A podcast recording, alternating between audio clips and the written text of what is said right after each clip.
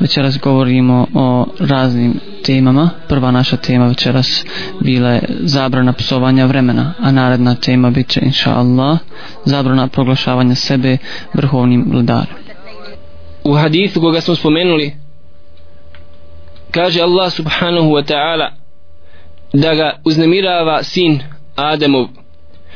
Otuda vidimo jasno iz ovog haditha kao što možemo jasno vidjeti iz Kur'ana da je čovjek potomak Adama alaihi selam koji je stvoren od ilovače. Otu da se vidi zabluda Dervinove teorije evolucije i njegove ideje koju je prezentirao među ljude da je čovjek nastao od majmuna. I žalosno je što ima određeni broj čak muslimana pa čak i onih koji klanjaju Allahu subhanahu wa ta'ala. Međutim čak su potpali pod određeni taj uticaj ili čak sumnju pa da nisu načistu po pitanju ove teorije.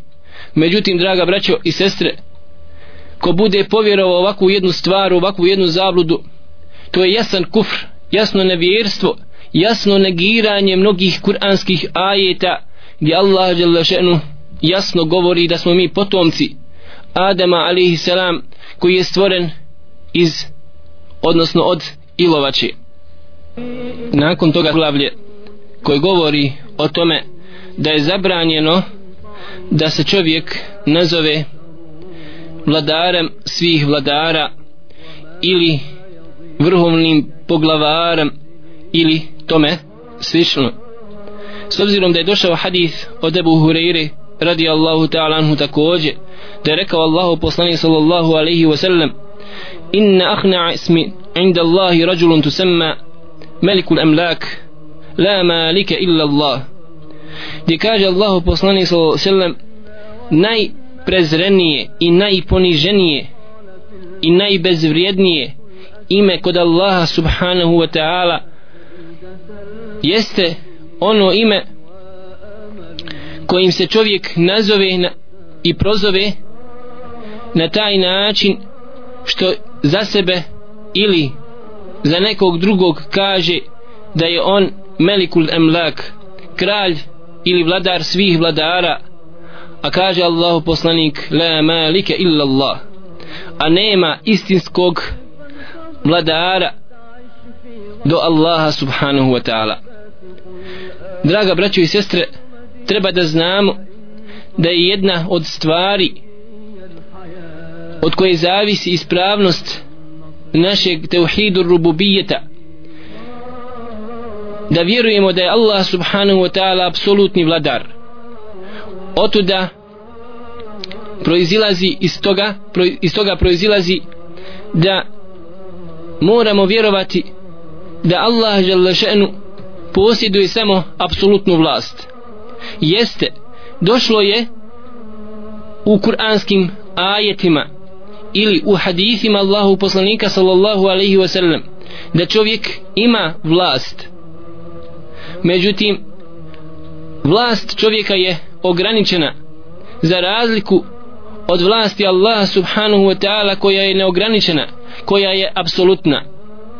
Zatim čovjek mora da se ponaša sa tom vlašću shodno propisima Allaha subhanahu wa ta'ala za razliku od Allaha jalla še'nu koji radi šta hoće i on se njega nema niko pravo pitati zašto nešto radi. Kada smo kod ove problematike nadjevanje imena ili prozivanjem određenih ličnosti sa određenim nadimcima trebamo znati draga braćo i sestre da je sunnet da čovjek izabere lijepo ime svome djetetu. Otuda kažu islamski učenjaci da je mustahab pohvalno da čovjek nadije djetu ime ime Allahovih poslanika ili ime određenih dobrih i odabranih Allahovi subhanahu wa ta'ala robova koji nisu bili poslanici. Ili da čovjek izabere neko ime koje u samom arapskom jeziku ima lijepo značenje. Jer je Allahu poslanik sallallahu alaihi wa sallam volio imena koja imaju lijepo značenje poput imena Aisha što znači ona koja je puna života. S druge strane kažu neki islamski učenjaci da je haram da čovjek sebe ili nazove svoje dijete sa određenim imenima poput imena Allaha subhanahu wa ta'ala koja su striktno njegova tako nije dozvoljeno da čovjek nazove svoje dijete sa nekim od imena Allaha subhanahu wa ta'ala poput Allah ili Ar-Rahman i tome slično. Bileži jedan od muhadditha da je jedan pjesnik nadio dvima svojim čirkama ime Allah i Ar-Rahman. Međutim kada je to uradio pobunili se mnogi učenjaci islamski učenjaci tako da se na kraju povratio toga i pokajao se Allahu subhanahu wa ta'ala. Također zabranjeno je da čovjek nadije svome djetetu ime čije značenje ime poput imena šeitana ili imena koja nemaju nikakvo značenje a mogla bi biti imena džinna ili šeitana. Dok kažu da je pokuđeno da čovjek nadije ime djetetu ime koje upućuje na hvalisanje kao recimo da mu nadije ime Nuruddin svjetlo vjere ili Sabahuddin zora vjere ili Šihabuddin i tome slično. Jer na taj način kao da se želi pohvaliti da je on svjetlo vjere ili da je on u tom kontekstu znači taj i taj. Jer ako ne bude takav onda to na neki način jeste laž i potvora. Oto da islamski učenjaci draga braćo i sestre su uvijek vodili računa da budu imena što poniznija. Jer koliko god bude ime naše poniznije prema Allahu subhanahu wa ta'ala oto da je draže. Zato je došlo u hadithu Allahu poslanika Muhammeda sallallahu alaihi wa sallam da su dva najdraža imena Allahu lešanu baš imena koja upućuju na robstvo njemu jer on voli da se njemu čovjek ponizi zato je rekao Allah poslanik da su dva najdraža imena Abdullah Allahov rob i Abdurrahman. Rob milostivog rob Rahmana. Zato dragi brate i sestro gledaj kakvo ćeš ime nadjeti svome djetetu jer će ono biti prozvano na sudnjem danu sa tim imenom. Ali onog momenta kada je ime upućivalo na nešto što bi eventualno moglo izjednačiti Allahovo stvorenje sa nekom od osobina Allaha subhanahu wa ta'ala oto da je došla zabrana u Allahom poslani u hadisu Allahov poslanika sallallahu alaihi wa sallam poput ovog našeg haditha koji je sa nama da je najprezrenije i najponiženije ime ime kojim se čovjek nazove kao što je vrhovni vladar ili vladar svih vladara jer bi na takav jedan način kao da bi se želio uzdići na mjesto Allaha subhanahu wa ta'ala.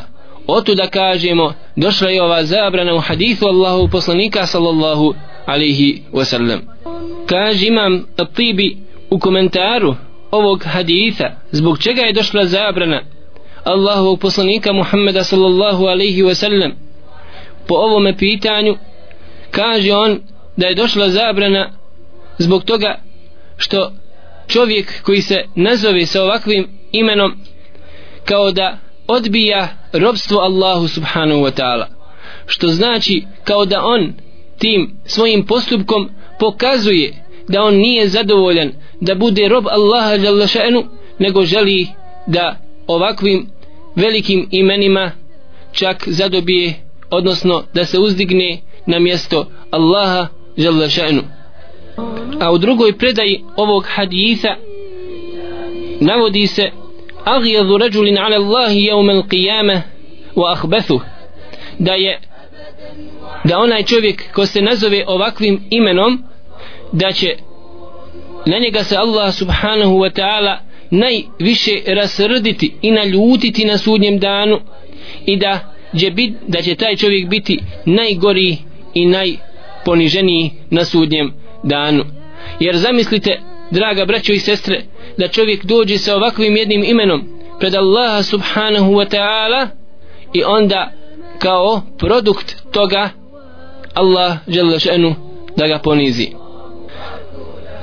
A nebi šurejh annahu kane yukna ebal hakem od Ebu Šurejha jednog ashaba koji je inače bio iz plemena Al-Huza'a a čije ime je Hani ibn Jezid Al-Kindi. On kaže da je njegov nadimak što u arapskom jeziku odgovara riječi kunje a to je ono ime ili nadimak koji otpočeto sa eb ili um jer je praksa Allahovog poslanika sallallahu alaihi wa sallam bila da se nazove čovjek po najstarijem djetetu koji mu se rodi. Ako bi to bilo recimo Muhammed ako si nadio svome djetetu prvom najstarijem Muhammed onda bi to bilo da si ti Abu Muhammed. Ili ako ti je žensko dijete recimo ime Fatima onda si ti Abu Fatima. A majka Ummu Fatima i tome slično. Pa je ovaj ashab zvao se Ebul Hakem. Pa mu je rekao Allahu poslanik sallallahu alaihi wa sallam inna Allahe huwa al-hakem. Pa mu je rekao Allahu poslanik sallallahu alaihi wa sallam nisi ti u tom smislu u značenju nisi ti vladar odnosno sudac nego je Allah žele še'nu taj koji je sudija jer Ebul Hakem znači otac onoga koji sudi ili sudi u tom smislu. Pa mu je Allah poslanik sallallahu alaihi wa sallam zabranio da se tako zove rekavši mu da je Allah žele taj kome pripada sud. Rekao mu je Allah poslanik sallallahu alaihi wa sallam inna Allah huwa al-hakem wa ilay al-hukm. Allah žele je sudac i njemu se sud vraća zato draga braćo i sestre trebamo znati da suđenje i sud i zakon pripada samo Allahu subhanahu wa ta'ala. In il hukmu illa lillah kako kaže Allah jalla še'nu. A vlast odnosno sud i suđenje ne pripada nikome drugome do Allahu jalla še'nu. Do te mjere da Allah subhanahu wa ta'ala nazvao one koji ne sude po onome što je Allah želešenu objavio koji ne sude po Kur'anu i sunnetu Allahu poslanika Muhammeda sallallahu alaihi wa sallam one koji ne sude po šerijatu فمن لم يحكم بما أنزل الله فأولئك هم الكافرون da oni koji ne sude po Allahovom zakonu da su oni nevjernici jer sud pripada samo Allahu žele še'nu pa otuda kada je ovaj čovjek se nazvao ovakvim jednim imenom Allahu poslani sallallahu alaihi wa sallamu je to zabranio. Pa je ovaj čovjek Ebu Šurejh kada rekao moj narod kada se u nečemu raziđe on mi dođe da im ja presudim. Parnica i problem između dva čovjeka kada se desi u njegovom plemenu oni dođu kod njega zato što je bio pravedan. I onda svi budu zadovoljni sa mojom presudom pa su me zbog toga nazvali ovim imenom. Pa je rekao Allahu poslanik sallallahu alaihi wasallam to je nešto izuzetno divno i lijepo što ti sudiš na takav jedan način sa pravednošću. Ali pitao ga je koje ti je najstarije dijete? Pa je rekao ja imam dijete Šurejha i muslima i Abdullaha. Pa mu je rekao Allahu poslanik sallallahu alaihi wasallam koji je najstarije dijete? Pa je rekao Šurejh pa ga je Allahu poslani sallallahu alaihi nazvao Ebu Šurejh na ovakav jedan način vidimo draga braćo i sestre da biti sudija suditi po onome što je Allah subhanahu wa ta'ala objavio je dozvoljena stvar i pohvalna i poželjna i nema države bez toga. Ali kada je sudio po džahilijskom zakonu i kada se još uz to nazvao odnosno kada ga je njegov narod nazvao sa ovakvim jednim imenom Allahu poslani sallallahu alaihi wasallam mu je to zabranio.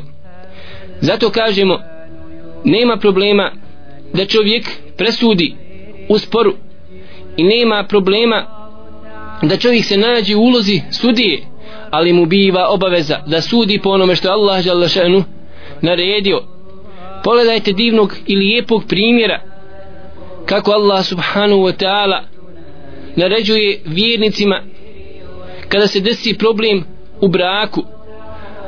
Wa in khiftum shiqaqa baynihima fab'athu hakaman min ahlihi wa hakaman min ahliha.